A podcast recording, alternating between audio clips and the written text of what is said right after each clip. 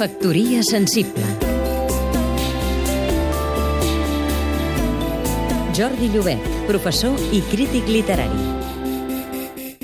Amb el nom La Bèstia i el Sobirà s'exhibeix finalment un grup escultòric que representa una bèstia, sembla un os, que sodomitza una dona, la qual, al seu torn, fa com si sodomitzés una figura que té molta semblança amb el rei que fou Joan Carles I.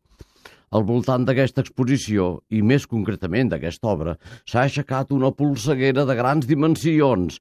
Sembla que el director Bartomeu Marí preferia no incloure aquesta obra en el recorregut pel MACBA, però també sembla que els seus col·laboradors van clamar a favor de la llibertat d'expressió perquè l'escultura fos exhibida.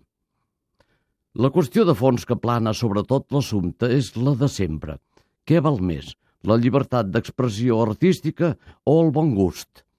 En realitat, el bon gust és una qüestió molt subjectiva i hi haurà monàrquics que trobaran execrable aquesta obra i antimonàrquics que la trobaran excelsa.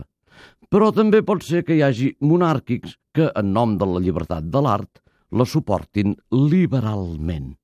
Al cap i a la fi, ja fa molts segles que els sobirans són retratats a peu, engalanats o a cavall, cosa que no acaba de ser la veritat de la seva existència.